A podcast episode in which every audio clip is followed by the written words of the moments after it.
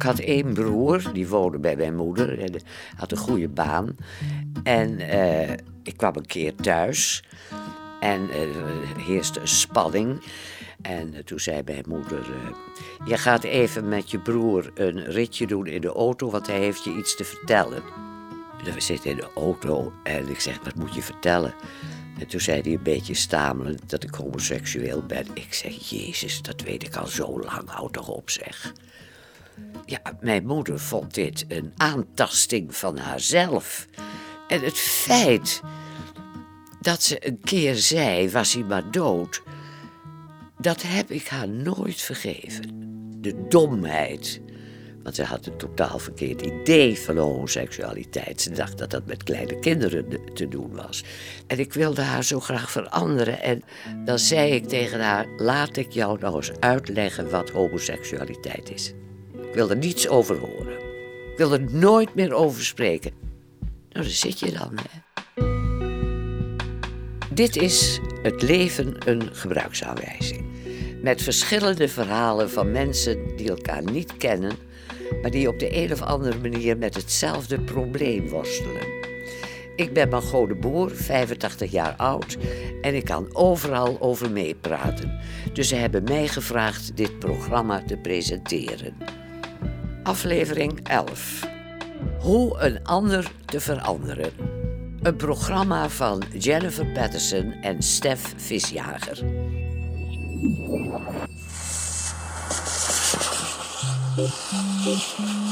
Ik denk dat ik anderhalf of twee jaar geleden ben, een beetje ben begonnen of zo met schoonmaken en zo. Dit is Daya. Ze is 15 jaar en probeert haar moeder Lara al een tijdje te veranderen. Mm, het begin eh, was echt dramatisch. Wat gebeurde dan? Nou, toen moest ik elke middag als ik thuis kwam van school, dan ging ik opruimen. Het zag er vroeger echt niet uit. Het was gewoon, zeg maar, als er bezoek kwam, dan dacht, schaamde ik me echt. Dan dacht ik van, ja shit, hé, dit lijkt wel een soort uh, zwerverhol of zo. En dit is de moeder van Daya, Lara, een alleenstaande vrouw van begin 40. Ik zat altijd heel erg bij hun te hameren op opruimen, je jas ophangen. Nou ja, bij kinderen was dat natuurlijk tegen dovermans oren gezegd, zoals in de meeste gezinnen. En uh, op een goed moment is Daya zeg maar mij gaan kopiëren. Vanaf een jaar of veertien en een half kreeg zij diezelfde fascinatie voor een ordentelijke omgeving. Hoe vaak hoor je klachten over waar... De hele dag, eigenlijk de hele dag door. Daya die is daar voortdurend mee bezig. Je tas op de bank pleuren, schoenen overal. Uh, de lessen die ik haar wilde leren, heeft ze geleerd en naar een hoger niveau gebracht. En nu krijg ik die lessen. Ze begrijpt ook niet waarom het een rommel wordt. Zij wil gewoon, oké, alles staat op de juiste plek, hou het daar. Want dan hoef je dus gewoon niet op te ruimen. Als je alles gewoon op de plek houdt, dan hoef je nooit op te ruimen. Maar dat is precies de mantra die ik al, al jaren tegen hun zei. Hou het gewoon op dezelfde plek, dan, dan hoef je, nooit op te ruimen. Ik gooi natuurlijk zelf nooit, nooit iets op straat. Dat, is, dat mag je van me verwachten. Dit is Adi Wink. Hij woont op een energie-neutrale woonboot met 28 zonnepanelen, twee compostemmers en hij scheidt zijn afval fanatiek. Alle flessen brengen we weg, alle papier houden we apart, plastic. En als je dat apart houdt en wegbrengt, dan hebben we maar één zakje in de, in de vier, vijf weken of zo. Restafval, hè? Dus je houdt heel weinig over wat je, wat je niet scheidt. Adi werkt als adviseur afval bij Rijkswaterstaat. Hij moet ervoor zorgen dat mensen hun afval beter scheiden en dat ze geen troep op straat gooien. Zelf geeft hij het goede voorbeeld. Ik probeer ook minimaal één of twee dingen per dag van een ander op te rapen en in de prullenbak te doen. Mensen kijken naar je. Is dat nou raar? Maar ze gaan het nadoen. Je, je, je neemt ook drempels weg voor anderen om het te doen. Omdat ze bepaald gedrag best willen kopiëren als ze daar iets in zien. Maar als mensen iets, iets neergooien of zo, dat is een, een best wel interessante manier om te beïnvloeden, is dat je niks zegt, maar het voor hun neus als het ware oppakt, meeneemt en in de bak doet. En, en niks zeggen. Hè. Zwijgen is, kan enorm krachtig zijn. Hè. Ze voelen zich een beetje belazerd, een beetje, wat ben jij nou aan het doen? En, eh, maar hier gaat iets eh, gebeuren. En dat is precies de bedoeling. Je moet even over een stapje heen, maar het is best kicken. We hebben een sleutelbakje en daar hoor je dan een sleutel in te doen. En ik heb mezelf dus aangeleerd om gewoon elke keer als je de deur binnenkomt, de sleutel in het bakje te doen. Want dan raak je hem dus ook niet kwijt. En dan heb je nooit de stress, zeg maar, dat je je sleutel kwijt bent. Maar bij haar ligt ze nu dus op het aanrecht. Nu, Ja, Ja, dat vergeet ik dus altijd. Is dat een soort verzet van Nee, dat, nee dat, helemaal niet. Want het is gewoon... eh, ik kom binnen, ik ben met honderdduizend dingen bezig... en ik leg mijn sleutel ergens neer. Dat, eh, dat gaat gewoon onnadenkend. Nou, ik was benieuwd als jij, als jij een kind hebt die vaak zo volwassen doet, dat jij dan gedrukt wordt in, in de andere tegenovergestelde de rol. rol. Nou ja, kijk, ik word relaxter. Naarmate zij mij kopieert, dus de moederrol kopieert... ben ik eigenlijk relaxter geworden. Omdat ik weet nu hoe irritant het is... als iemand de hele tijd zit te zeuren over spullen die op een bepaalde plek moeten liggen. nu heb ik zoiets van, come on, we moeten hier kunnen leven. Eigenlijk net als een poeiber zegt, wat maakt die jas nou uit op, op de bank?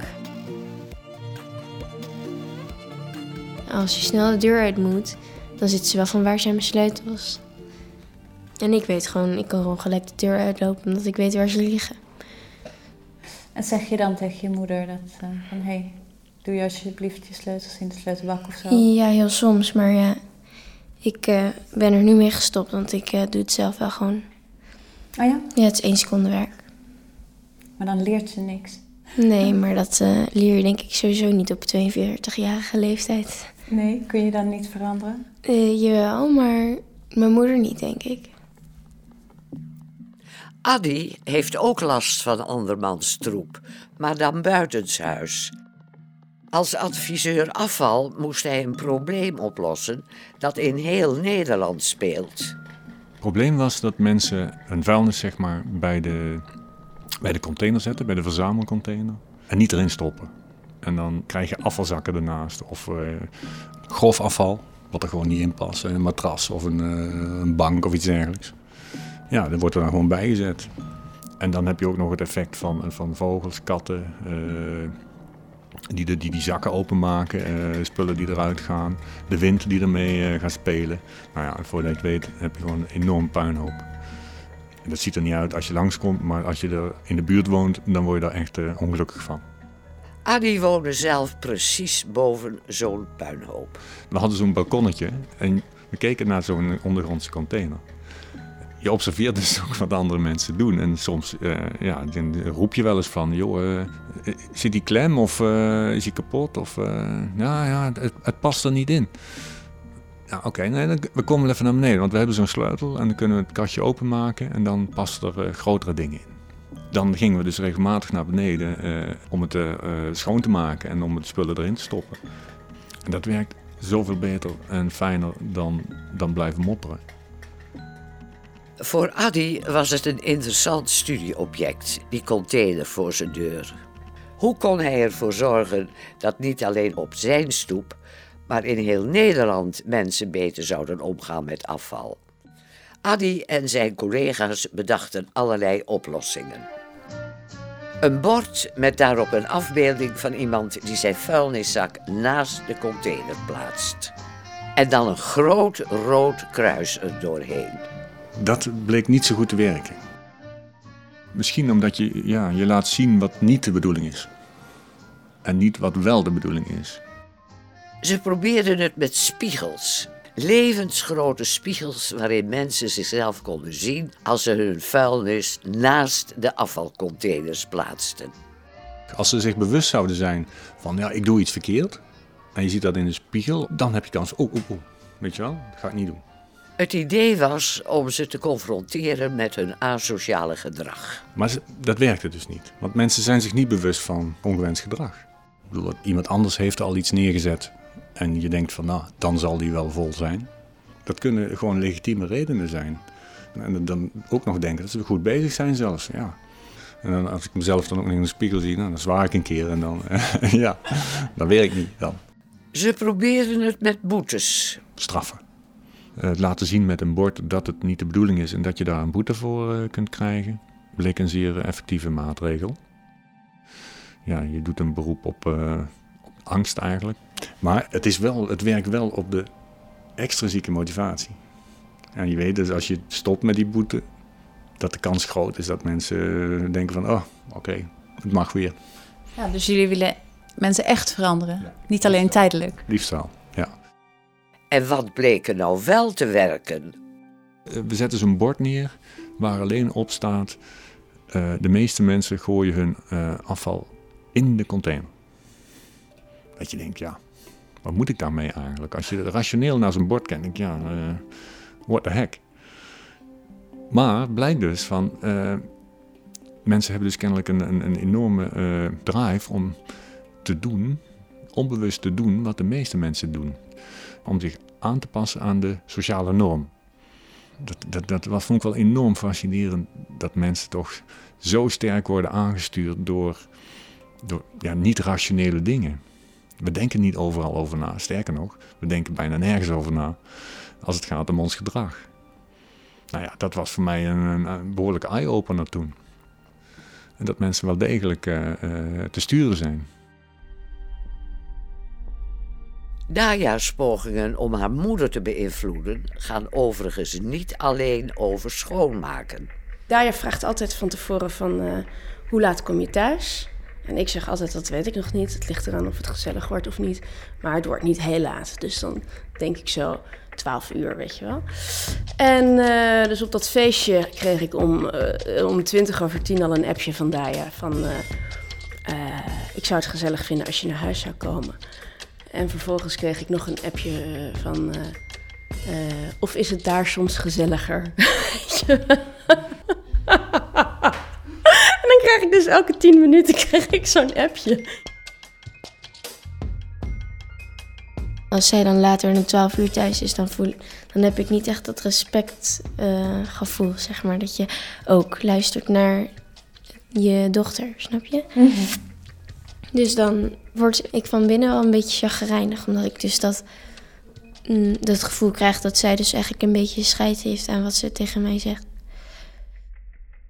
Jij zou om half twaalf thuis zijn, aards. Weet je wel, het is nu kwart voor twaalf, want dat gebeurt wel. Dan zeg ik twaalf uur, maar om tien over twaalf denk ik... Ja, shit, het is al tien over twaalf, weet je wel. Dan nog één drankje en dan ga ik naar huis. En vaak hoop ik dan ook dat ze al in slaap is gevallen.